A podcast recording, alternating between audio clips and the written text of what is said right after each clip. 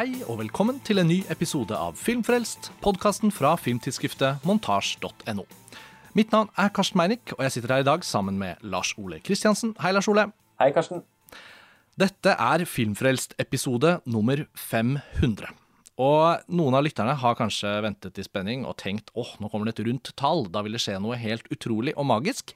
Og på sett og vis så skal det jo gjøre det, Lars Ole, men det er klart at uh, vi hadde noen skisser på arkene om episode 500 og en mulig uh, markering eller feiring, men det var faktisk allerede på blokka da pandemien sto på som verst uh, etter nyttår og fortsatt var et problem, og da tenkte vi at det lar seg vanskelig planlegge i en tid med så mye usikkerhet. Men noe annet vi har hatt på blokka, det er en ny serie innunder Filmfrelst. Et eget episodefokus som vil komme jevnt og trutt i tiden fremover. Og i denne episoden skal vi introdusere denne ideen og by på da første episode av et eget eh, hva skal vi si, underfokus på Filmfrelst. Så Lars Ole, dette er jo en idé du har gått og tenkt på veldig lenge. Og før vi skulle til Los Angeles nylig for å rapportere fra Oscar-utdelingen, så ble vi enige om at kanskje dette var anledningen. Så nå får du forklare lytterne litt hva det er dette nye fokuset vil eh, dreie seg om. Ja, altså vi har jo egentlig lenge da snakket om at eh, vi burde lage en, en serie på Filmfrelst som fokuserer på fysisk format. Fordi, som mange av lytterne våre helt sikkert har fått med seg, så er vi dedikerte storsamlere av Blu-rayer og DVD-er, og i og for seg også vinyler, bøker, vi er litt sånn som Aksel eh, mot slutten av 'Verdens verste menneske'. vi er opptatt av å, å, ha ting i hylla, kunne ta på ting, av uh, utgaver, det å gå i fysiske butikker og handle. Og eh, da vi nylig var i Los Angeles i forbindelse med Oscar-utdelingen og de to nominasjonene til nettopp 'Verdens verste menneske', så brukte vi ganske mye tid på å gå i butikker som kunne tilby DVD-er og Blu-rayer. Og eh, det var veldig etterlengtet, fordi i løpet av de siste par-tre årene så har det stadig blitt vanskeligere å kjøpe via nett. Altså Mange av de foretrukne nettbutikkene våre har enten blitt avviklet eller sluttet å sende til Norge. Eller så har fraktprisene blitt så høye at det ikke er verdt det lenger. Eller så eh, har de begynt å skrive prisen for frakten utenpå pakken, sånn så at veien opp til tollgrensen blir veldig kort, osv. Ja, og dette med å fokusere litt spesifikt på fysisk format på Filmpress har jo da resultert i mange sånne off the record samtaler om hvordan denne ideen om en egen serie med fysisk format-episoder kunne utspille seg på Filmfrelst. Og da har jo egentlig både du og jeg vært enige om, og mange vi har nevnt dette for, at uh, mye film er fortsatt vanskelig å få tak i bare digitalt. ikke sant? At Hvis man er tilstrekkelig nysgjerrig og interessert, så må man sikre seg ting på fysisk format for å få sett det. Og Det gjelder jo ikke minst eldre filmer som aldri har fått gått gjennom en ordentlig restaurering. og Kanskje mest kjente liksom, labelen for fysisk format for cineaster er selvfølgelig The Criterion Collection i USA, men du har jo også Arrow i England og mange eksempler på lignende små labels rundt omkring. I Frankrike er de veldig opptatt av fysisk format fortsatt. Så liksom, ofte er jo spørsmålet hvordan får jeg tak i den filmen lettere å besvare med eh, Du kan kjøpe den på Blu-ray, eller den fins på DVD i det landet, osv. Så, videre. så det er jo liksom egentlig et faglig felt av det å være nysgjerrig på hjørnene av filmhistorien som kanskje ikke er umiddelbart tilgjengelig på Netflix, som kommer i fokus i denne serien. Og det å starte i Los Angeles, som du nevnte, Lars Ole, det er jo også litt logisk fordi det er åpenbart en av verdens filmhovedstader. Det er uh, stedet hvor verdens aller mest betydningsfulle butikk for fysisk format fins, og den skal vi da ta dere med på i denne episoden. For nå skal vi jo sette til første utgave, Lars Ole, og den er da tatt opp på location i Los Angeles, der hvor vi kan si at på en måte himmelen for fysisk format fortsatt uh, er tilgjengelig. Ja, det må man kunne si, og uh, butikken det er snakk om er jo da Aniba, som eh, tidligere holdt hus ved siden av Cinerama Dome på Sunset Boulevard. I løpet av pandemien så ble jo Arclight-kjeden nedlagt, eller avviklet. Mm. Cinerama Dome solgt til noen som forhåpentligvis skal lage kino igjen der eh, om ikke så altfor lenge. Inntil videre står den der som et sånt spøkelseshus. Et utrolig trist eh, syn. Jeg har hatt gleden av å se mange, mange filmer der. Og um, Amiba-bygningen var jo også litt sånn ikonisk. Så mm. innmari sørgelig å se den bli regelrett sånn flådd. Eh, som pakket inn i en ganske sånn gyselig eh, ny eh, look. Men eh, som, eh, som, godt er, så har Amoeba fl bare flyttet til egentlig da en litt sånn hottere location. Og jeg, jeg kan jo liksom Jeg ser at det er en bedre location for butikken, særlig nå Mm. som Cinerama Dome da er, eh, er, ut, eh, er avviklet. De Mm. ble i og for seg avviklet omtrent samtidig, så det, det var som om det var noe skjebnebestemt som, som inntraff der. Men eh, vi gledet vi, vi var som to drittunger, eh, rett og slett, eh, når vi da endelig skulle kunne returnere til Amiba. Eh, Forrige gang vi var i Los Angeles sammen, så tror jeg vi var på Amiba sånn fem ganger eller. Ja, stemmer. Men altså for å da uh, slippe lytterne til inn i episoden, så er det kort fortalt dette som er rammene. Du beskrev det godt, Lars Ole, med flyttingen av lokalet. For når vi nå setter til oss selv for en kort tid siden på bakken i Los Angeles, så er vi da ute med mobilt opptaksutstyr. Vi befinner oss i lyskrysset utenfor Amoeba. Og eh, Forhåpentligvis så er beskrivelsene våre fra selve opplevelsen av da å oppsøke denne butikken for å sanke inn fysisk format, eh, tilstrekkelig god for å ta dere inn i opplevelsen. Og så, eh, gjennom episoden, så besøker vi et par andre steder også i Los Angeles, og de skal dere få oppdage underveis. Helt til slutt i episoden så skal vi returnere med det som blir noen sånne faste minispalter innad i hver episode for fysisk format. Så da ønsker dere bare en god lytteropplevelse. Bli, bli med oss til Los Angeles og disse nydelige mm, templene for fysisk format, og så høres vi helt på slutten av episoden for en liten oppsummering. Nå står vi her utenfor inngangen til den nye lokasjonen, hvor Amoeba Music forhåpentligvis er gjenskapt i sin opprinnelige drakt. Ja, altså Det går rykter om at arealet er litt mindre, men at innholdet i butikken er, eh, er eksakt eh, det samme. Ja. Så det skal ikke ha gått utover liksom sortimentet. Nei. Men det er jo med stor spenning og eh, ja, gråtende kredittkort vi entrer.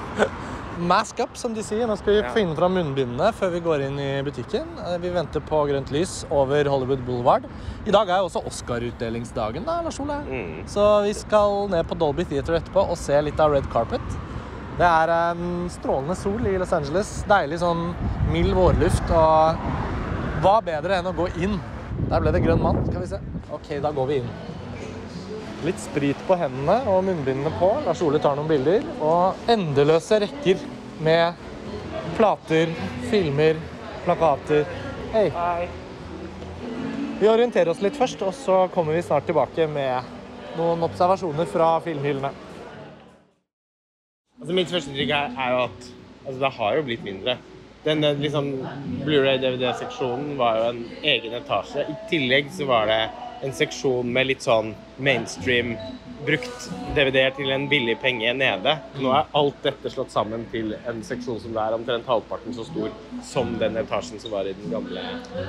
Vi får, eh, vi får begynne å bla litt, da, og så bare se Ja, altså, vi kommer. Jeg ser en sånn liten clearance movies der borte, f.eks. Og og de har jo liksom holdt De har sagt at innholdet skal være liksom det samme. At det er ikke sånn Altså alt, al- alt blir bare flyttet hit. Eh, Så kanskje det er bare organisert på en mindre plass. En måte som krever mindre plass. Eller Ja. Og vi gikk akkurat forbi en hylle her som er dedikert til årets eh, Oscar. Oscar-filmer. Ja, Her ser Belfast vi på Blue, Karsten. Steven Spielbergs West Side Story. På, Og i en eh, steelbook. her ser vi også at Netflix og strømmefilmer er utgitt på fysisk format. Flukt.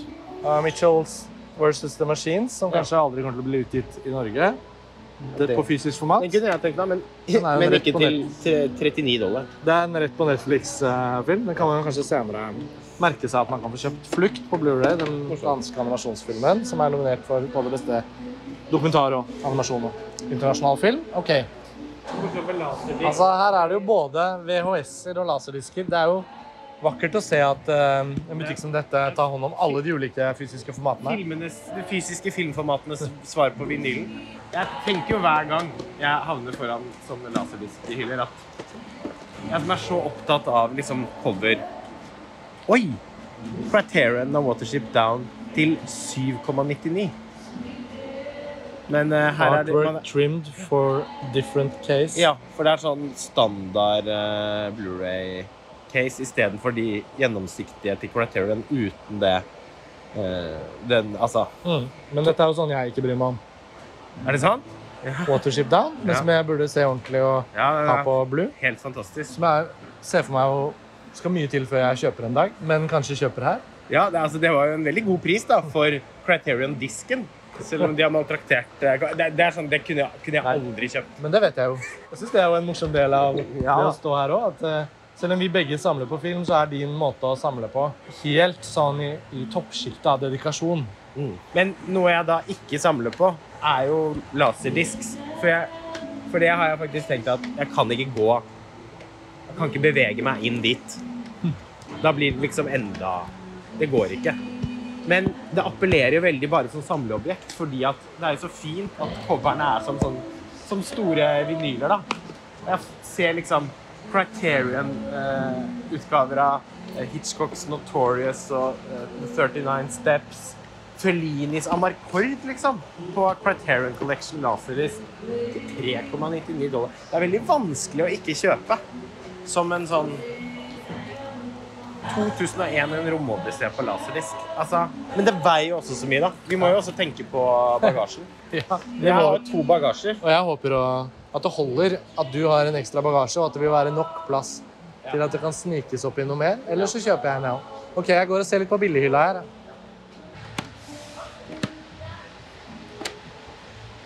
Og så er det jo klart at mange spør seg jo hvorfor man har fysisk format når ting fins digitalt, men det må jo bare gjentas gang på gang da, at det er veldig mye som ikke fins digitalt. og sånn som Når vi står her og blar i denne billighylla, så føler jeg at det jeg jakter på, er ikke nødvendigvis at det skal være noen helt utrolige utgivelser, men at plutselig kan en liten film som fins på DVD, men som ellers aldri ville vært mulig å oppdrive, dukke opp her. Så det må jo være håpet litt, da.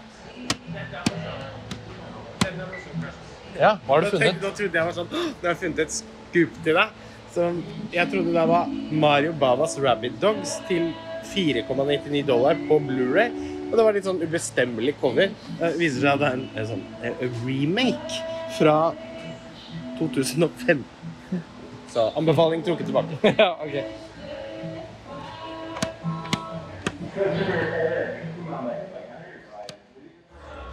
Og så har man plutselig tilbrakt et par timer her på Amiba. da.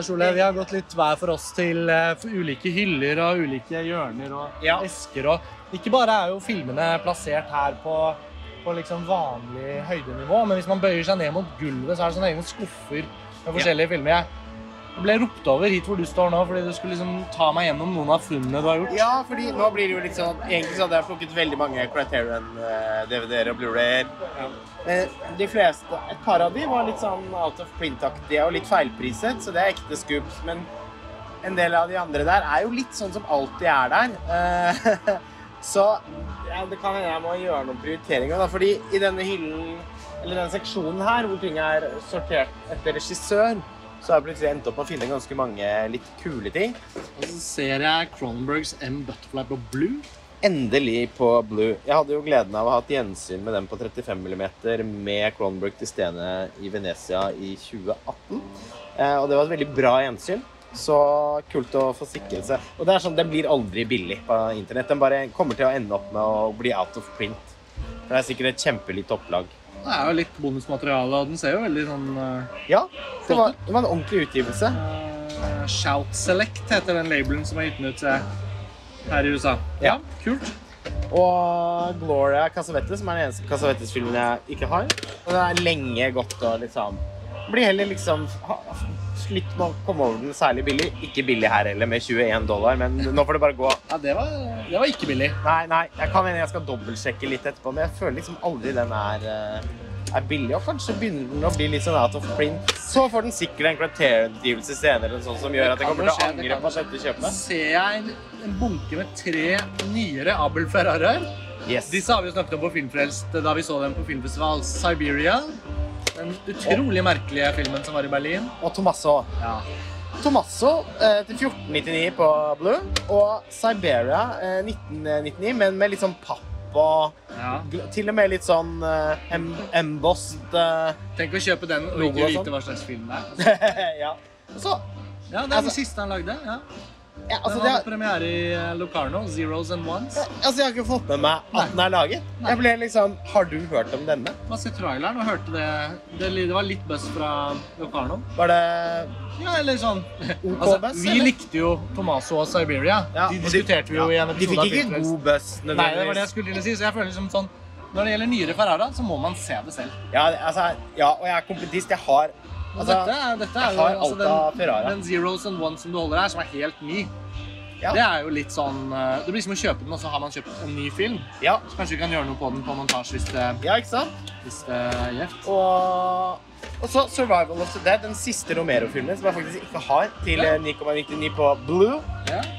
Helt. Spennende. På å kjøpe Jeg, elbil. jeg, merker jeg må også bort til Ferrara-hyllen, kanskje få meg Vi snakket. Vi snakket jo eh, her om dagen om Richard Linklater, og at vi aldri fikk sett den Last Flag Flying. Stemmer.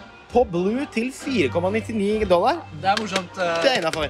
Og, og da nevnte du den Orson Wells-filmen, altså Me and Orson Wells, yeah. som jeg da ikke hadde sett, og som jeg fant til 599 på DVD. Zac Efron og Claire Danes. Litt sånn OK kjøpt. Ja. Bombay Talk. Bombay Talkie av James Ivory. Ja. Hatt lyst til å se? Dette er jeg litt spent på om du kjenner til. En TV-film av Michael Mann kalt The Jericho Mile. Jeg, liksom, jeg har vet at den fins, men jeg har aldri visst om å få tak i den. Og her ser jeg at du har funnet en blue. Det er nettopp. Det var en DVD der Wow. eh, Wow. også. Jeg føler at det er Kjøp liksom den du, og så kommer jeg og ser den hos deg. Ja, den var veldig dyr, da. Ja, for det, Eh, det er jo ingen hemmelighet at dette er et par knepp viktigere for deg eh, enn for meg når det kommer til sånn de absolutte obskuritetene og prisnivåene. Ja, for Da blir det enda mer obskurt der, da. Ja, Get on the bus og Spike Lee har jeg skulle hatt kjempelenge. Vant jeg til ti 10 dollar. Det er helt supert. Michael Jackson har originalskrevet en sang for den. Oi. Eh, mm.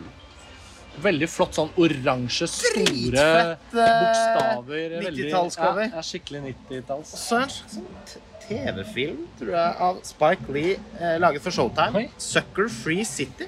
Har jeg aldri hørt om. Den så ikke noe bra ut. Nei, men eh, den var ikke så dyr. Nei. Manhattan Baby og Lucia Fulci, det er sånn jeg bare skal ha. Eh, 9,99 for den. Kan jeg jo vise, jeg gikk gjennom klassikerhylla der borte. Ja, har du og noe jeg har jo ikke valgt så mye film da, som deg, siden sist vi så hverandre her inne på Amoeba. Det var en del Warner Archive som eh, fristet. Og så har jo du og jeg gjort en sånn forhåndsbestilling av Warner Archive på et nettsalg hvor det var 50% fordi de feiret 13-årsjubileet for den labelen da, fra Warner Studios, hvor de gir ut klassikerne sine. Um, samlere som hører på dette, som vet om fysisk formatutgivelsen til Warner Bros. Warner Archive, vet jo hva vi snakker om. Men kort fortalt så er det jo en del klassikere der som man har lyst til å sikre seg. Uh, flere av de som var på god pris, er, har, jo de, har jo vi da bestilt i den bestillingen. Men jeg fant en Joseph Losey-film til 9,99, altså 10 dollar. 'Stranger on the Prowl'. Ja. Og Joseph Losey har jeg lenge vært nysgjerrig på å få gjort litt mer eh, Altså, jeg har sett veldig få filmer av ham, men jeg har kjøpt en del. Og han ble jo svartlistet eh, og et offer for McCartisme. Måtte til Europa for å lage film. Og her, Jeg hadde ikke hørt om denne, men jeg har akkurat kjøpt meg en biografi om Losey, og sånn, så jeg føler liksom at jeg er på trappetrinnet til å sette meg litt mer inn i han. Og her står det på baksiden at Strangers, 'Stranger on the Prowl' ble presentert i Amerika i 1953 som written and directed by Andrea Forzano. Men det var eh, pseudonymet for to folk. Mannsfatteren Ben Barsman og Joseph Losey, som var svartlistet. da. Eh, med Paul Mooney fra Scarface, den originale Scarface fra 30-tallet, i hovedrollen. Så jeg bare følte litt sånn Det var artig. Ja, og det sto litt sånn This neorealist film noir was based on a story by Så jeg tenkte sånn Hvorfor ikke? Aldri 10 hørt. dollar, aldri hørt om. Så den, eh, den blir kjøp. Men OK, vi får eh, gjøre et siste stunt her nå. Så er det jo ikke så veldig lenge til Oscar-utdelingen. Så dagen skal romme så mye mer.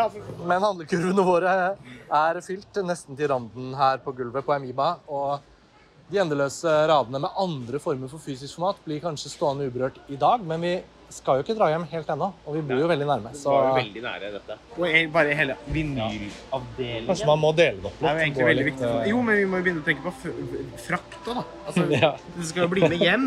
Oi, lang kø. Eh, lang kø, mange kasser. eh, altså, det fysiske format er ikke dødt. Det er bare det at det kanskje blir mer og mer spesialisert. Og Ja. at eh, i noen land så er det på en måte ikke marked alene for å drive en butikk fylt av, eh, av film og plater og sånt. Vi har vært der noen timer nå, men nå er det jo veldig mange mennesker i butikken. Eh, unge som gamle. Ja. Så- søndag. Ja, det er jo søndag. Um, det kan nok hende at søndager da er en veldig sånn bra dag for dem å ha åpent. Ja. Du, Folk har fri til å dyrke hobbyene sine. Lars Ole forsvant nå ut til venstre for å kjøpe en vinyl. Og i denne problemstillingen så forlater vi dere, kjære lyttere, for denne gang. Nå klipper vi videre i episoden. Adjø fra Amoeba. Og etter dette besøket hos Amoeba Music på Hollywood Boulevard, gikk etter hvert ferden videre til butikken Atomic Records, som ligger i Burbank. Atomic Records er en litt mindre, men også veldig kul bruktforhandel for vinyl, DVD, Blu-ray med mer. Og for å komme dit fra Hollywood så måtte vi slenge oss i en Uber og kjøre motorveien gjennom Karenga Pass over til Burbank og Magnolia Boulevard, hvor man finner Atomic Records. Um, innehaverne kunne ønske oss velkommen, og hadde akkurat gjenåpnet faktisk etter pandemien. Hos Atomic Records så har man et ikke fullt så stort lokal å forholde seg til, men eh, du får en litt mer følelse av en sånn hjemmelaget bruktbutikk, da, hvor innehaverne fortsatt står og prismerker nye filmer som har blitt levert inn eller solgt brukt til dem fra privatpersoner. Og vi beveget oss raskt inn mot DVD-hyllene som vi kjente fra før av. Så da skal dere få vår lille rapport fra hva vi fant hos Atomic Records. Det er litt sånn dumme Når det blir sånn der Disse hyllene her inne på Atomic Records i Burbank er jo liksom veldig sånn manuelt satt sammen. Du føler jo litt at du er på de gamle GameStop-butikkene da de solgte ut mye brukt DVD-er. Her, det er noen funn her. Altså, jeg har nå også funnet dokumentaren The Kid Stays in the Picture om Robert Evans, som jeg husker jeg har sett, Oi. men som jeg aldri har kjøpt. Den har sikkert du allerede. Nei, den har jeg ikke. Uh, den kunne jeg tenkt meg å sett, selvfølgelig. Robert Altså, Evans er veldig fascinerende. Altså, jeg føler liksom at Warner-DVD-ene fra tidlig DVD-alderen, hvor det var en sånn papp og en sånn knepp, sånn som denne her, som jeg nå nettopp holder i Ja, jeg, synes, jeg er Det er en veldig, egen, er eh, veldig nostalgi for deg. sterkt nostalgisk forhold til de utgivelsene. Her er det en sånn, sånn typisk som var litt gøy å finne. Cap Captain Blood av Michael Curtis. Meryl Flynn. Åh, sånn swashbuckling. Og, mm, og jeg har ikke for mange sportsbucklers i samlingene. Har du sett noen av dem? Eh, ja, jeg har sett, Er du opptatt av swashbuckling? jeg jeg har sett Michael Curtis sin eh, Robin Hood-film. Ja, ja, den er også sett. Din egentlige favorittfilm, kan jeg tar det? Eller det er en av dine to egentlige favorittfilmer. 1492 Conquest of Paradise og den. Begge med båt. Ja. Den ene med evangelisk, den andre uten. Og begge litt sånn fra gamle dager, Ja. si det mildt. Og begge litt unnskyldte utskjelte megaflops. Men altså, nå fant jeg den i en papputgivelse. Ja, det var veldig Ikke flott. ligner den jeg allerede har. Riktignok har jeg den på Blue, da. Ja, det dette er bare en DVD, ja, var, men uåpnet. Det var veldig flott. Så den er i plast. Er det noen film jeg skulle gidde å ha flere? Veldig fin den. Jeg har den på VHS også. Veldig fin den uh, digipack-utgivelsen av Amelie. Som, på den, ja, men den har jeg en sånn ellevill fransk spesialutgave. Det kjøp av den Cutthroat Island her. Kalde rumper. Det var en stor film da vi var barn. Ja. Lurer på om den har tolvtiden stopp. Det var den jeg nevnte i Oscar-podkasten. Vi det? kom inn på sports, inspirerende sport. Ja. Så rakk jeg å skyte inn det- det- den om det jamaicanske bobsleigh-laget fra 90-tallet. Cool. Det sånn, det hadde egentlig vært gøy å ha for 3,99 er dollar. det er liksom, den er sånn Hvem er det som regisserte den? John Turtledown. Ja. Mannen bak National Treasure-filmen. Mm. Det er jo da med selveste John Candy. Men Du, morsomt. Du, Er du komplettist på de der? du vet hva det er? Altså, det er Chariots of Fire. Her fant vi en Chariots of Fire sånn Warner Pup-utgivelse. Det må ha vært den første DVD-utgivelsen av den filmen. Det er jeg nok ikke nødvendigvis helt uinteressert. Jeg er veldig opptatt av den filmen. Apropos eh, det som nå begynner å bli en slags innsikt. at Vi er jo egentlig eh, Sportsfilm. veldig glad i sportsfilmer. Vil ikke være sånn spesielt sportslige. Nei, nei, nei. Mm, sånn. Helst best på film. Nei, men eh, eh, kalde rumper. Ja. Visste du at Det står jo bakpå her på coveret, da. Hans Zimmer er god på det musikk. Ja, men dette blir jo et kjøp. Og her på den C-plasseringen hvor vi fant The Charity Fire nå, så er det da altså to ulike DVD-utgivelser. Og du har den jo da allerede i et mye gjevere format, Blue, hjemme, Mm. når det kommer til påsyn. Steelbook. Det er litt sånn Vanilla Discs, eh, den, den eh, Steelbook-spesialutgaven. har. Her var det mye ekstramateriale på den to diskene. Masse bortklipte scener og Hvor mange ganger skal man se Dog Afternoon? Hvor mange utgaver skal man ha av Chariots of Fire? Det er så gøy. Det er en film ingen andre er opptatt av. Bare, bare meg. Ja. For meg fikk den jo til og med Nord-effekten. Ja, det er jo, ja. Men den skal vi se sånn ordentlig. Ja da, ja. Den skal vi se hos meg. Let's say no Med more. meget høy lyd. I dyp konsentrasjon. Ja. Det er jo også veldig gøy med den filmen at miksen av Vangelis-soundtracket er annerledes i filmen og i uti, plateutgivelsen. Så Ja, det er et av de tilfellene. Ja, så når du, du Du har på en måte ikke hørt soundtracket helt når du ikke har sett filmen. For det er mikset med en, Spennende. med en annen type Altså, det har en annen dynamikk. Og jeg foretrekker versjonen på i filmen, da.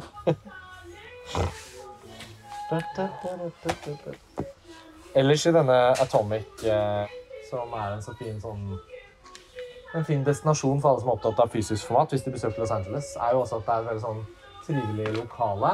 Veldig sånn fine plakater på veggene. Men mest vinyl. Det er mer, Ja, og jeg mer skal- vinyl her enn film. Ja, og jeg husker fra sist vi var her, at i alle fall for min del at det ble ganske mange flere vinylkjøp enn øh, filmkjøp. Ja, den kommer kommet til. Liberty Heights og Barrel Lemons. Ja, og den, er, den er ikke så Did lett they å få tell tak you i. all the movies are half off? Is it true? Yeah, all the DVDs here on this wall and the Blu-rays up front, they're all 50% off. That's amazing. That's amazing news because we're already. I see that, so I thought Thank you. if you didn't know that, you should That's great. know. We were here uh, three years ago uh, in 2018, and Yeah. it was such a great experience coming to your shop. All right. Well, welcome Now that back. we were finally back in Los Angeles, we thought Yeah, it's worth the trek. Well, well, we just reopened, so we imagine since you were Yeah. you- were here the last time, we were closed more than half that time because Oh. of uh, COVID. But you came through it, all right. Yeah, we're all, we're survived. We're so happy to see that the store is. It looks the same, feels the same, it's pretty much the same. and 50% off on the moves. Yes. I'm gonna have This is, double as many this as I is a feast. Thanks a lot. Thank you so much. Ja, det var en autentisk liten scene. Ja. Sorry. Da blir jo, nå sitter jo plutselig lommeboka veldig Altså, det kunne jo ikke passet bedre, da, nå som vi sto her i Nå blir det det jo fysiske sånn- format- formatets ja, mekka. ja, Nå blir det jo litt sånn to, to utgaver av Shadows of Fire til, da. Det er veldig kjøpsfremkallende beskjed. Det var en veldig kjøpsfremkallende beskjed. Jeg er her nede på J. Altså, den derre Jesus Christ Superstar til Norman Jewison. Har du noen gang sett den? Nei, jeg har aldri slått meg jeg har en over hodet som noe jeg skal se. Men jeg har en god del Norman Jewison på hylla. Han er en av de regissørene hvor man sånn sakte, men sikkert Han er du opptatt av. Nei, ikke opptatt av, men det har akkumulert seg litt film.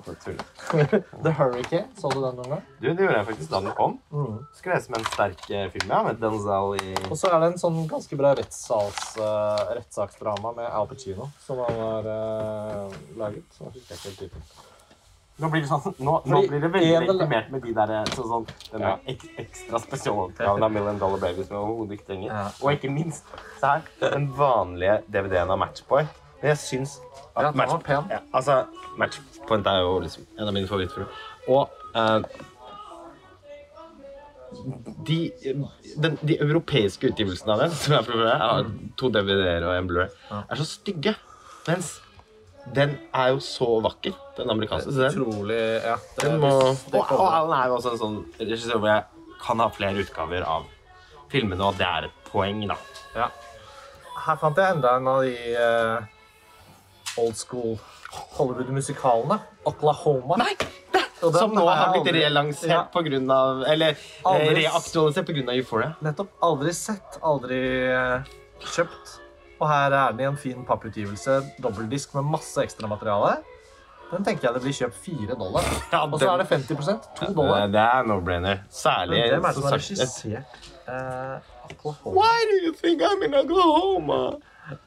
Har du The Notorious Better Page av Mary Harrod?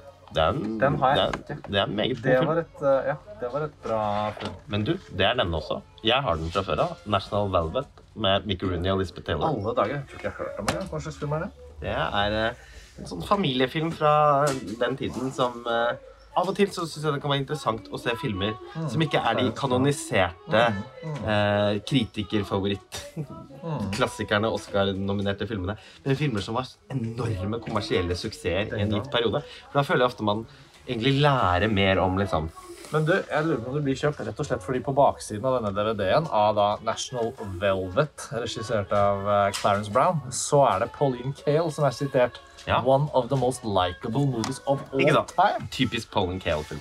Og, Da blir det kjøpt, da. og eh, du, du tipset meg eh, jo om det her Warner Archives-salget. Ja. Som vi Dette er jo, høres veldig corny ut, men i forkant av eh, at vi dro til Los Angeles, så bestilte vi en hel haug Criterion-DVD-er fordi det var salg, og Warner Archi Archive Blu-ray. Criterion DVD-er, sier jeg. Det var Criterion Blu-ray òg. I all hovedsak eh, til hotellet der vi bor. Eh, og Criterion-filmene hadde kommet fram. Så alt er i sin skjønneste orden. Vi har ikke sett noe til de Warner Archives Blu-ray ennå. Men sannsynligvis eh, så er det bare Men eh, det jeg skulle, altså koblingen her er at den National Velvet hadde da Den var blant de Warner Archive bluene som var på, på salg. Som ikke kjøpt. Jeg tenkte ikke på tipsene tipse da. Nei, men da blir det denne, da. Men skjønte ikke, hadde du sett den? Nei. Men jeg tenkte at den, den, er sånn, den er lenge planlagt å se, og kjøpt med Du har sånn- den, ja. du har. Jeg har. har kjøpt flere filmer i det sjiktet. Altså Shirley Temple-filmer. Eh, all, ja, alle filmene med, med Judy Garland og Mickey Rooney, eksempel. De hadde jo en sånn de lagde en sånn serie med filmer. De har også sikret meg for å Og det, og jeg har sett noen filmer i sjiktet i løpet av de par siste årene. Men jeg, men jeg har ennå ikke sett National Velvet. Men jeg vet at den skal være blant de aller beste i denne slags subsjangeren. Kult, kult. Sanjuro på Criterion. Jeg har jo da Criterion Bluen av Sanjuro, men jeg tror ikke jeg har det på DM. Og til, på 50 da så er det et kjøp, altså. Savages og Oliver Stone, var det sånn at du ikke likte den? Ja. Det skjønner jeg ikke. Den er sånn faktisk som jeg, som jeg nesten trodde at du likte bedre enn meg. ja nei. Sånn ganske mange Tony Scott-vibber i den. Daniel Mindel-foto. Denne dokumentaren til han har Han vant Oscar for beste dokumentar i 1999, 'One Day in September'. Av han Kevin McDonald. Oi. Mm. Som eh, Altså om det terrorangrepet i München, som er en del av München-filmen. Mm, til Spielberg. Jeg tror jeg tar- tar- Kult. Det, så, det Kan var vi, fang. kan vi bytte plass? Ja, det kan vi. Litt videre bortover her. Er dette Paul Schrader sin eksorsist? Nei, det var Renny Harlin sin, men han er jo like stor for deg som. Paul Schrader. Jeg har den allerede. Du har den, ja. Ja. ja. Har du komplett Renny Harlin? Nei, ikke de siste. Han har laget så mye film i Kina og sånn siste årene. Ja, det er Der har jeg ikke, jeg har ikke fulgt ham ned det kaninhullet der. Du, oh, oh, oh, oh, Nå er jeg kjempeskupt for det her. Ja. This is an amazing film. Three O'Clock High. Som det er en eh, Den er satt eh, Er vel satt til The Valley, tror jeg. Ok. Her vi er nå. og eh, det er et soundtrack av Et fantastisk soundtrack av Tangerine Dream. Okay. Og er en eh, Altså, Ja. den, den, jeg så den jo i forbindelse med dette evigvarende arbeidet med 80-tallslisten vår. Ja, selvfølgelig. Anbefalt av Dag Søtholt. Ok. Mm, altså, helt strålende. To dollar. Kjempekult kameraarbeid. Og masse liksom Takk. Det er et filmverk. Jeg fant akkurat Michael Ciminos Year of the Dragon. Men jeg har den allerede. da. Ja, Men denne har et kommentarspor av Michael Cimino. Det Er ikke dagligdags, eller? Nei. Det syns jeg Eh, var en helt sinnssykt bra film. Den minnet meg mye om Prince of the City til Sidney Lumet. Ja, ikke sant? Sånn mer gritty utgave av Prince of the City. De to som double bill. Mm. Ikke dumt. Jeg må reise meg opp. Enda en Greta Garbo og Lionel Barrymore-film. Jeg fant jo her i starten når vi Ja, ja, ja. Den, denne har jeg hatt på listen over filmer jeg skal kjøpe ganske lenge. Jiggy. Jiggy av Vincente Minelli. Den har, jeg- den har jeg aldri sett, og hørt noen, noen gjetord om at den er litt undervurdert. Altså, det er en del sånne Greta Garbo-filmer her på DVD fra, fra, fra liksom de første årene etter stumfilmperioden. Her fant jeg nå Mata Hari ja, Den har med Lionel Barrymore. Ja, den har jeg. Det er Den, den tenker jeg at jeg skal sikre meg nå. Jeg fant jo også den Camille Ja. med Greta Garbo. Gøy å ha litt. Jeg har ikke noe forhold til de filmene hun spilte i på 30-tallet, men det kan man jo få seg. Det er en del criterions her, det er litt rørende. Ja, vi har klemt inn uh... Og så har vi jo, eller jeg har jo de fleste av de jeg har sett, det har ikke vært noe relevante kjøp. Her er Ohazar Balthazar, for eksempel. Ja, Til jeg. På, Bresson. Og den første gamle Criterion-DVD-en har jeg også, og det er denne jeg holder i hånden. Og så er den jo nå nyutgitt på Blue. Du, eh, nå kommer en ny ny Vikian her. Donovan's Reef av John Ford. Se her, ja. Med John Wayne. Men jeg har så dårlig oversikt om jeg, om jeg kan, kan det hende jeg har den. Nei, nei, nei, nei. Den har du ikke i noen sånn collection. Så da, har du gått, da har du kjøpt den helt spesifikt. Oh, ja, ok. Hvis du har den.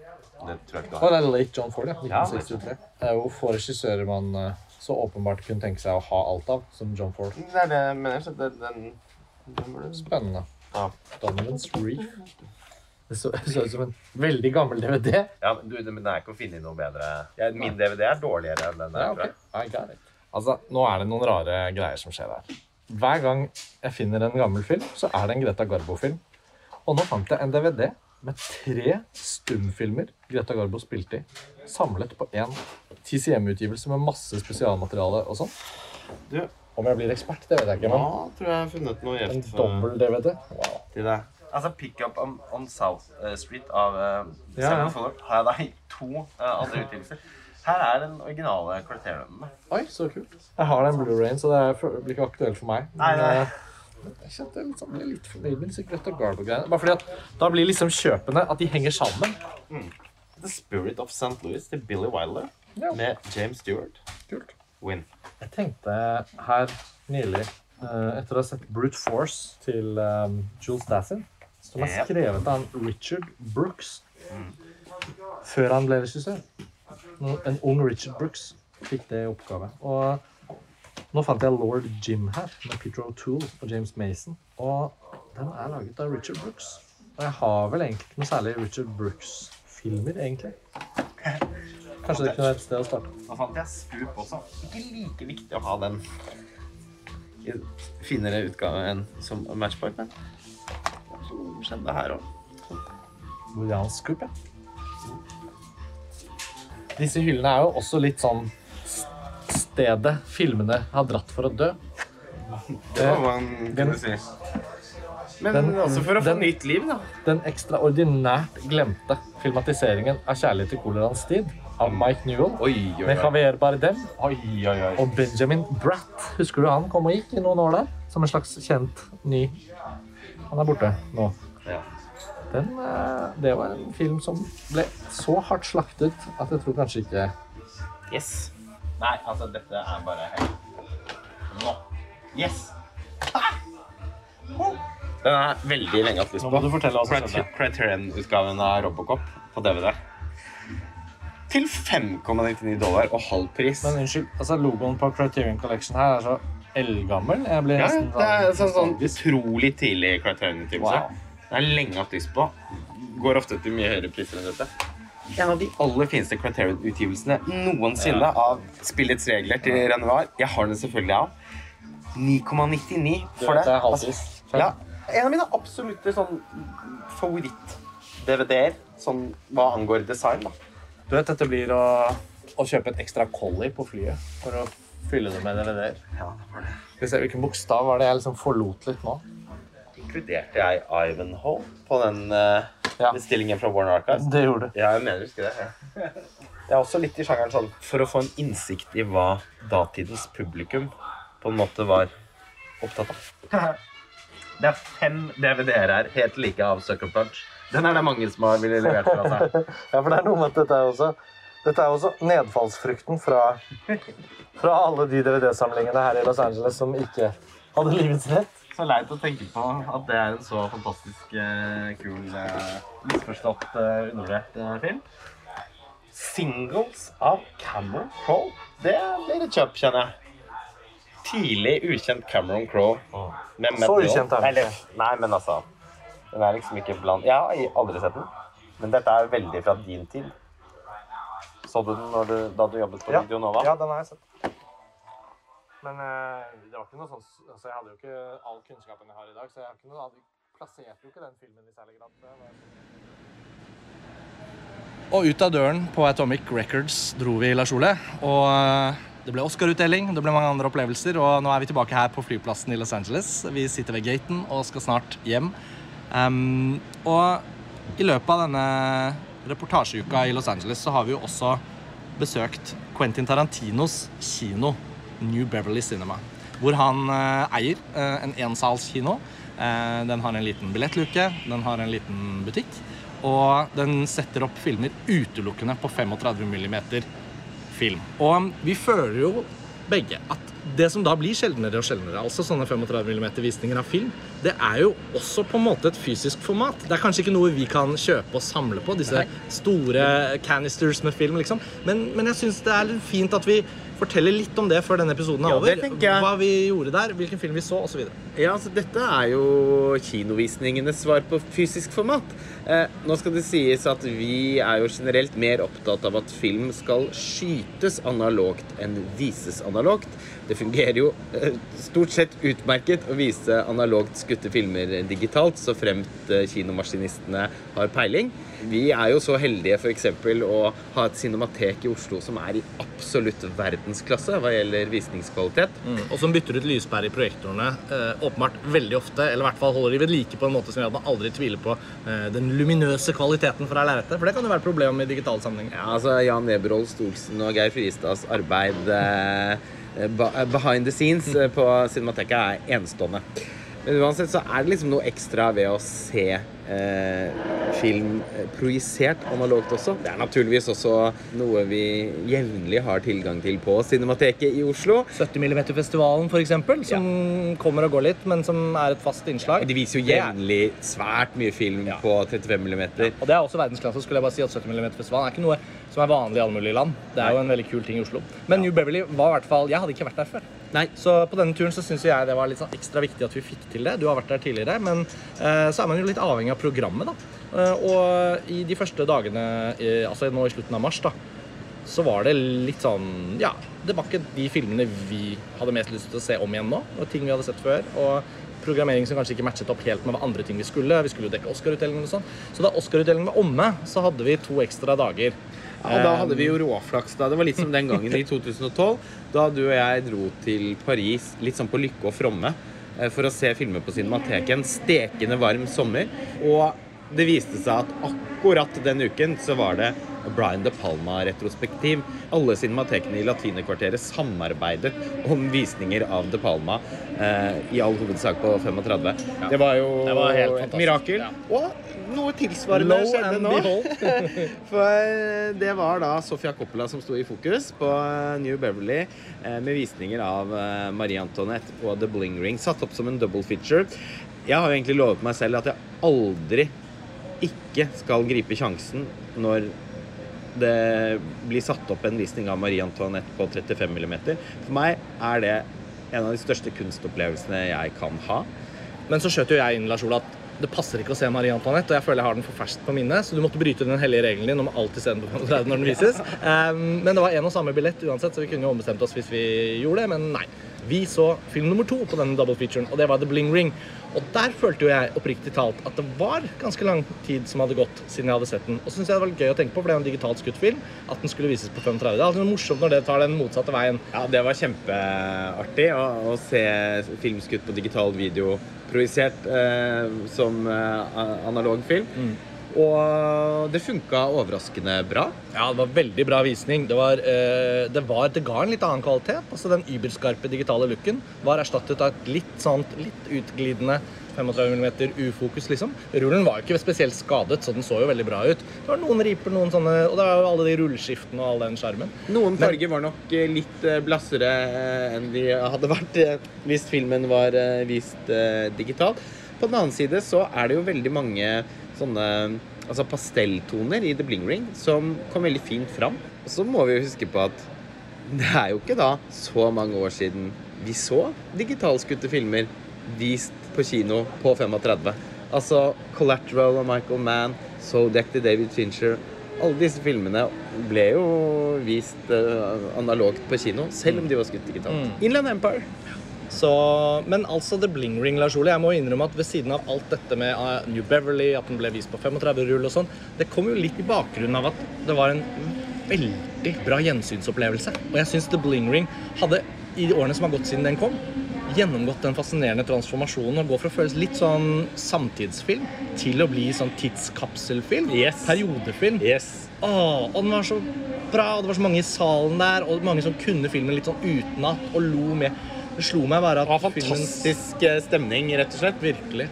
Og den var jo veldig bra. Altså, jeg, vi rapporterte jo fra Cannes den gangen. Ja, altså Vi Eh, var jo sjokkert over at det var en litt sånn strekmunn-emoji-framkallende film. Den har jo vært eh, ekstremt undervurdert helt siden premieren i Cannes i 2013. Eh, Det er i og for seg også en anekdote som er verdt å fortelle. da. Vi forsøkte jo å komme inn på selve premierevisningen eh, i Debussy. Ja. Og sto tre og, en halv, ja, tre og en halv time i kø. Og var blant de siste som ikke slapp inn. Mm. Skuffelsen var monumental.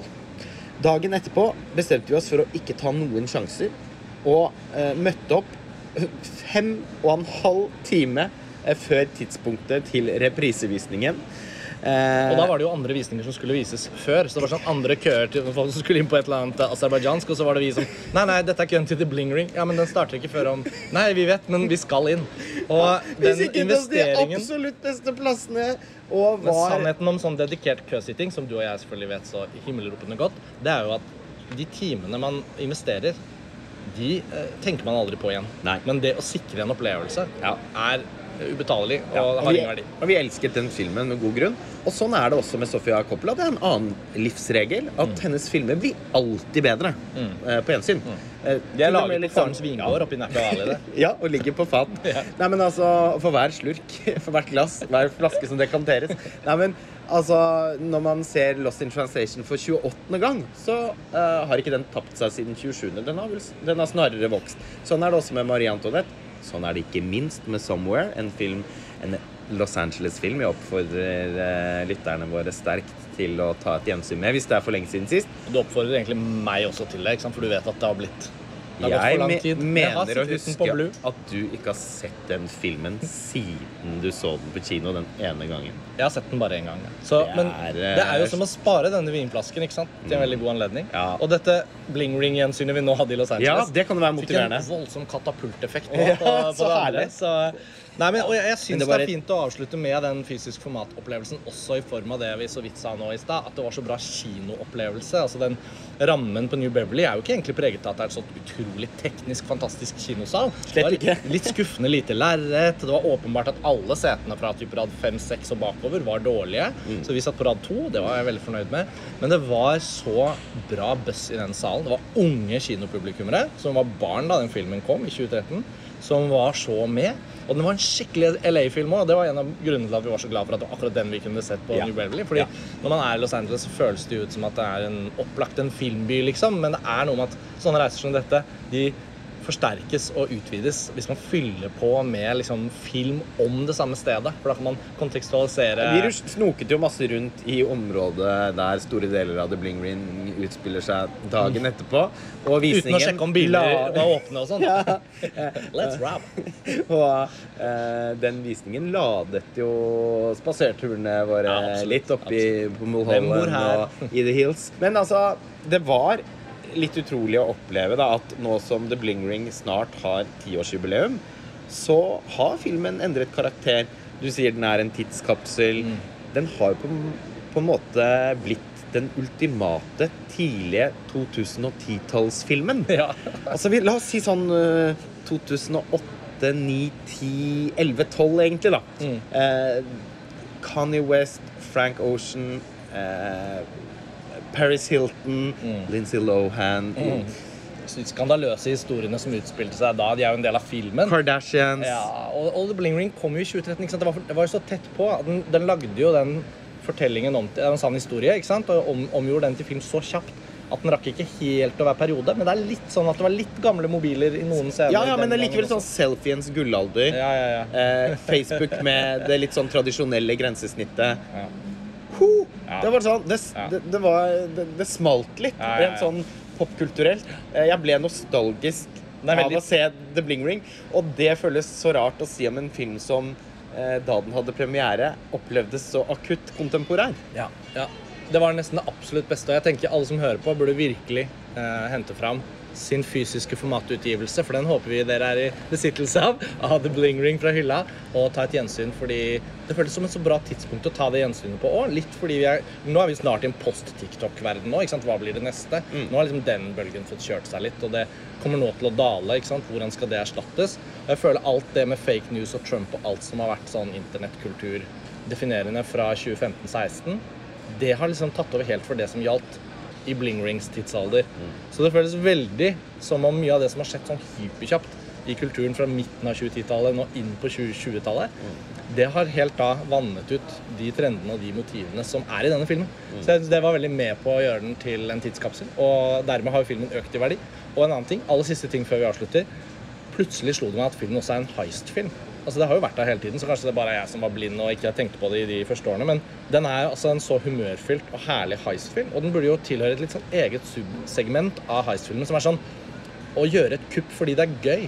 Ikke fordi de trenger det. Altså sånn, Kanskje Oceans Eleven-filmene litt er der. De lider jo ikke akkurat noen økonomisk nød, føles det som de før de gjør det kuppet i kasinoet. Men det er noe med de ungdommene her som også bare sånn Herregud, dørene står jo bare åpne. Og så ser ikke ut til at de liksom bruker pengene på så veldig mye sånn livsviktig.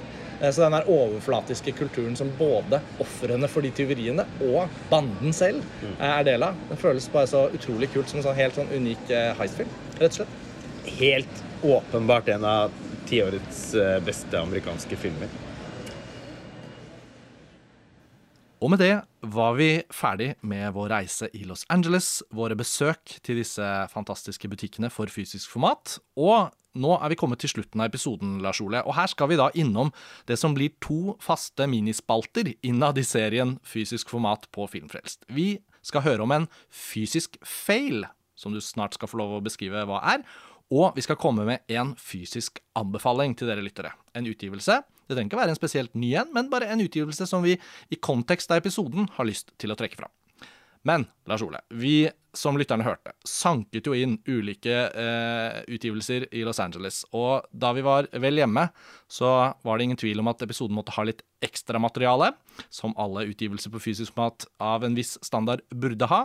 Og dette, for å kalle det en fysisk fail, så må du nesten forklare oss litt hva det da skal være av anekdoter som kommer inn på dette punktet i hver av disse episodene, og selvfølgelig komme med denne episodens fysiske feil. Vær så god. Altså Når man samler i stort format, så blir det jo nødvendigvis sånn at man av og til eh, begår en skivebom. Enten så kjøper man noe man rett og slett har glemt at man har, eller så blir man så liksom euforisk og litt sånn halvstresset i innkjøpsøyeblikket, særlig hvis det da er snakk om fysiske butikker. da. Jeg kan i alle fall bli litt sånn som jeg var da jeg var barn og eh, ble tatt med i, på terrarier, f.eks., for eksempel, fordi jeg var så eh, ekstremt interessert i, i, i reptiler, og spesielt slanger. Eh, så kunne jeg få nesten sånn Stendal-syndrom-aktig Og da er det lett å begå en feil. Hånda inn i slangeburet, edderkoppen på skulderen. Det var vel sånn type situasjoner? Da var det liksom, Mamma og pappa pleide å si at de kunne liksom se det i øynene mine, at det var noe som skjedde. Eh, Litt sånn eh, var det da vi var på Amiba nå. Det var så vanvittig etterlengtet eh, å få være i en sånn type butikk igjen etter to år med, med pandemi. Men det dreier seg også om eh, at man f.eks. i lang tid har gått og vegret seg for å kjøpe noe fordi det er så dyrt, eh, og det er da gjerne noe som er out of print. En eller annen utgave av en film, kanskje den første Blu-ray-utgivelsen av, eh, av, av en film som det er helt sånn maktpåliggende at man har på Blu-ray, men så ble det første opplaget så raskt solgt ut, og så var man ikke liksom på ballen. Og så ender man i en sånn bakevje der man er nødt til å liksom hele tiden bare følge litt med på hva som skjer med, med prisingen på eh, utgavene som, som er til salgs, eh, typisk sett på eBay. Og det går jo som regel bare én vei oppover. eh, reiser man litt, så kan man være heldig og f.eks. finne noe i, på et antikvariat, enten det er i Los Angeles eller i Tokyo, en annen by jeg har kjøpt mye fysisk format i. Eh, kan kanskje bli aktuelt å lage en slags spesialutgave om fysisk format i Japan på et tidspunkt. Det tenker jeg høres ut som en meget god pitch til en fremtidig episode i denne serien. Men da har jeg altså opplevd flere ganger at eh, når jeg da omsider har valgt å bare bite i det sure eplet og betale litt sånn hårreisende mye da, for, eh, for en film, så annonserer liksom Arrow eller Criterion at de omsider skal ut i den filmen bare sånn et par uker etterpå. Sidespor, men sånn, både du og jeg eh, var jo ganske kry over å ha sett Anne Huis Boat People for noen år siden og vært veldig opptatt av Det er en sånn glemt film med ekstremt høy kvalitet, og nesten ikke å få tak i. ikke sant? Det var inn og ut av ulike DVD-forhandlere i Hongkong og sånn. Eh, Ja, Vi var og- veldig kry når vi bestemte Ja. oss for at, når vi, når vi fant ut av at den skulle få en ganske solid plassering på den ennå upubliserte 80-tallslisten Ja. vår. Ikke like kult nå, da, som den har blitt allemannseie takket være Criterion. Ja, og det var faktisk en av de Criterion-utgivelsene som var helt ferske da vi var i Los Angeles, som vi tok med oss. Men nå må du få lov å fortelle oss da hva som ble fysiske fails, for du pakket jo ut dine kjøp i Los Angeles ved hjemkomst, og da innså du følgende. Ja, det ble noen fails. da vi var inne på Amiba der, og jeg var litt sånn eh, på tuppa over at jeg hadde følte jeg hadde liksom sikret meg noen litt sånn ordentlige funn der, når vi hadde vært i hver vår kant av, av butikken. Mm. Jeg må le av meg selv, og det er så teit. Men jeg er liksom bare En Mario Bava-film som jeg ikke har hørt om, heter Kidnapped. Eh, på Blue, altså. Bra pris. Den må jeg i hvert fall ha. Ja, du, du viftet med den mot meg og var sånn 'Å, Mario Bava er klar'. Altså, jeg tenkte ja, flott, Mario Bava er en av de jeg ikke kanskje er så opptatt av, så da tenkte jeg at jeg har i hvert fall ikke oversikt. Nei, men så utrolig dumt da, at jeg ikke tok meg bryet å se litt på baksiden av coveret. Fordi her fremkommer det jo at det er jo Rabid Dogs, da, som eh, kanskje er min favoritt-Bava-film.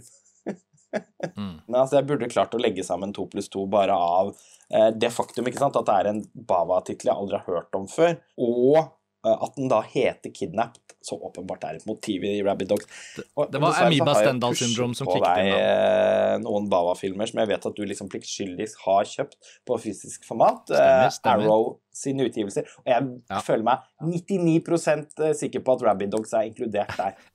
Ja, så du får ikke donert den videre til meg, dessverre. Nei, for ikke sant, Vi pleier å donere til hverandre da... når vi begår sånne feil. Jeg skal jo da eh, tilbake til eh, Los Angeles, Stemmer, på påskeferie, som allerede var planlagt. så jeg lurer på om jeg skal prøve å ta den med tilbake og få den byttet, selv om jeg vet at Amiba har noen veldig kompliserte bytteregler. Ja, spennende. Alternativt så kan jo selvfølgelig, hvis det er noen lyttere der ute som alltid har hatt lyst på Mario Bavas uh, Rabbit Dogs på Blu-ray på sone 1, så kan de legge inn et bud. ja, og da vi var eh, på Atomic Records i Burbank, så Så ble det også litt sånn høy sjø, mest fordi vi var litt stresset fordi vi måtte videre. Vi hadde Ja. ikke så god tid i den butikken som Vi vi, skulle gårde kunne tenkt oss. møte produsenten av 'Verdens verste menneske' og måtte ta en veldig lang lyfttur for å rekke det. Så plutselig, så, så Som dere hørte sikkert, så ble det litt sånn brå avslutning eh, på den reportasjen der. Ja. Og jeg hadde jo da, eh, sånn som jeg alltid gjør, så nappa jeg ut mange ting som er sånn kandidater. DVD-er, Blu-rayer som kan bli kjøp. Men ikke nødvendigvis. Jeg pleier jo da å gå ganske grundig gjennom til slutt og nappe ut noen ting som jeg tenker at nei, den er ikke nødvendig. Og hvis jeg f.eks. da faktisk kjenner på at jeg er litt usikker på om jeg kanskje da har den filmen fra før av, så la, la jeg som oftest være. Jeg nappet ut den kalde rumper, vet du. Ja, det var jo en fin scene. Den om det jamaicanske bobsleigh-laget fra 90-tallet. Hadde jeg fått tenkt meg litt om, så hadde det kanskje dukket opp et minne om at jeg, at jeg da vel kanskje har nappet med meg den eh, ved en tidligere anledning. For det hadde jeg nemlig. Ja. Nå har du to utgivelser av Cool Runnings. Den tilfaller deg, for den tror jeg ikke du Nei, jeg har aldri kjøpt den på DVD. Det var en sånn lei den på videobutikken og returner den, og så har man sett den filmen-opplevelse. Ja, det kan man trygt si. Og, altså, sånn, vet, og det var jo ikke egentlig så Men det er ikke ikke veldig kostbar og... feil, da. Det var jo 50% salg på Atomic Records, og det var Jeg tror den kostet 20 kroner. Ja.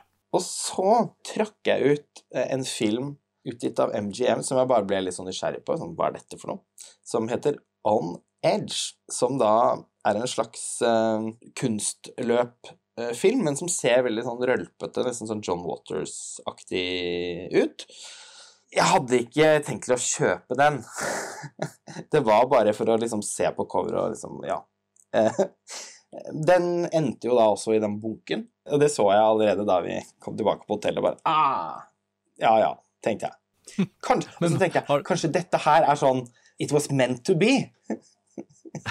Men altså, er det, den, det er den som hadde hun i sånn rosa kunstløpkostyme på omslaget, er det ikke det? Ja, den ser litt morsom ut. Har du funnet noe ut om den filmen i etterkant, da? Nei, fordi jeg mistet litt interessen uh, idet jeg åpnet coveret og så at disken var borte. Nei! En dobbeltfeil!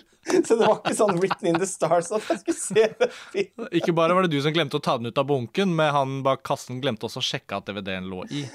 Ja. Og jeg vet hva, jeg slo den jo opp, da.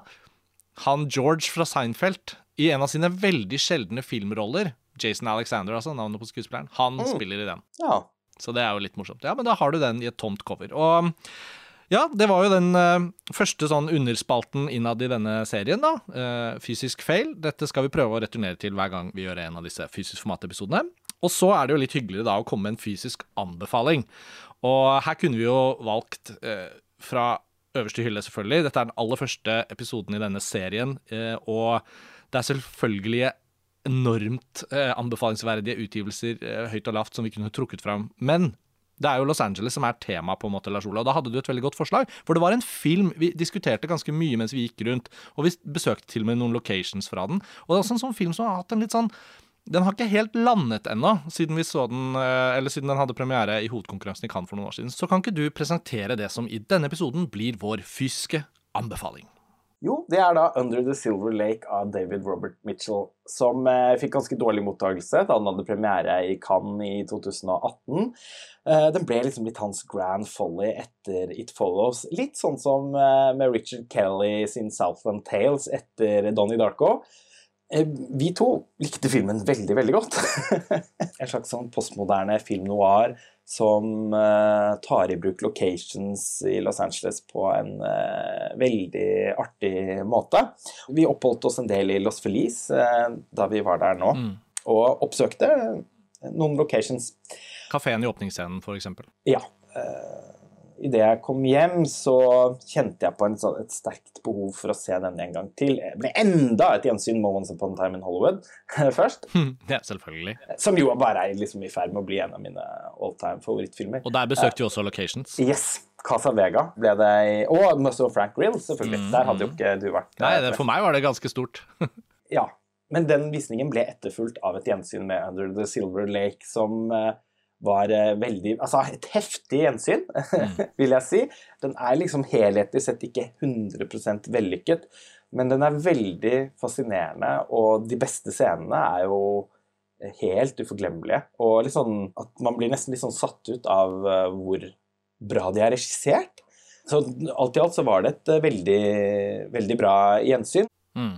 Og da har du jo beskrevet filmen, og i denne spalten må du jo da også fortelle oss hvilken utgivelse av Under the Silver Lake som da er så gjev at vi anbefaler den. For det har jo også noe å si. Filmen ble jo utgitt på en sånn regulær blank DVD i Norge i sin tid, men Min utgivelse er strømmetjenesten Mubi sin. Det er jo så hyggelig at Mubi, som er en strømmetjeneste, likevel beskjeftiger seg med både eh, kinolansering og fysisk format, eh, i alle fall eh, de siste årene. Vi har et litt spesielt forhold til Mubi fordi vi i noen år jobbet som programsjefer for Mubi Norge. Og jeg er veldig begeistret for eh, deres eh, Blu-ray-serie, fordi designet er så fint.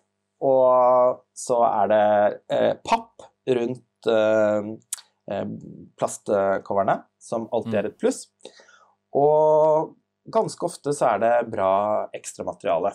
Eh, Mm. De, er, de er liksom ikke helt på Criterion-nivå, men, eh, men, men ofte veldig sånn solid. Og jeg endte opp med å sitte og se på ekstramaterialet til Under the Silver Lake, og festet meg særlig ved en featurette om produksjonsdesignet, som altså var så vanvittig bra. For det er så vesentlig i filmen, og bruken av locations, eh, som nevnt, er eh, veldig markant, og de bruker Los Angeles på en veldig kreativ og uttrykksfull måte. Og det var veldig fint eh, Altså, den prosessen, da, med å liksom finne de forskjellige stedene og måten de har manipulert eh, eh, rom og, og sånn på, ble veldig fint eh, beskrevet da, i Mm. den featuretten av produksjonsdesignet. Jeg støtter deg i denne anbefalingen. Jeg har også uh, gått til innkjøp av flere Blu-rays fra Mubis uh, serie, får vi si, av utgivelser. Og jeg tenker at denne lille spalten kan alltid da avsluttes med en liten guidehåndbok, for å si det sånn. De Blu-rayene til Mubi vi nå beskriver, de utgis i Storbritannia. Så det er sone to-utgivelser. Og uh, Mubi har jo hovedsete i London, men uh, strømmetjenesten er jo tilgjengelig over hele verden. Um, disse Blu-rayene er uh, ofte ganske godt rabattert på Amazons britiske butikk, altså amazon.co.uk.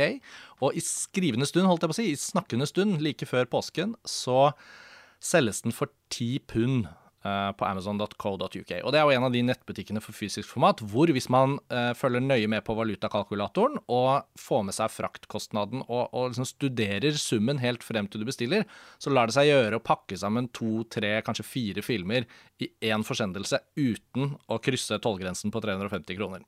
Så det er et tips. Men det er også et tips at platekompaniet sine nettsider har denne utgivelsen til salgs, og i skrivende stund, altså talende stund, så har de et tilbud. Så den er satt ned fra 209 til 167 kroner. Og da er ikke den pund-valutakurs-fraktkostnadsproblematikken egentlig så lett å forsvare, og man bør jo på alle mulige måter også støtte de norske nettbutikkene eller butikkene som selger fysisk format. Så jeg tenker i denne sammenhengen så vil jeg anbefale da at det kan være et smart kjøp fra platekompaniet, rett og slett. Jeg støtter platekompaniet konsekvent når jeg har muligheten. Ja. Jeg betaler ja. gjerne også litt ekstra for å, for å, bestille fra deres nettbutikk. Eller ja, nå er det vel bare én fysisk eh, butikk.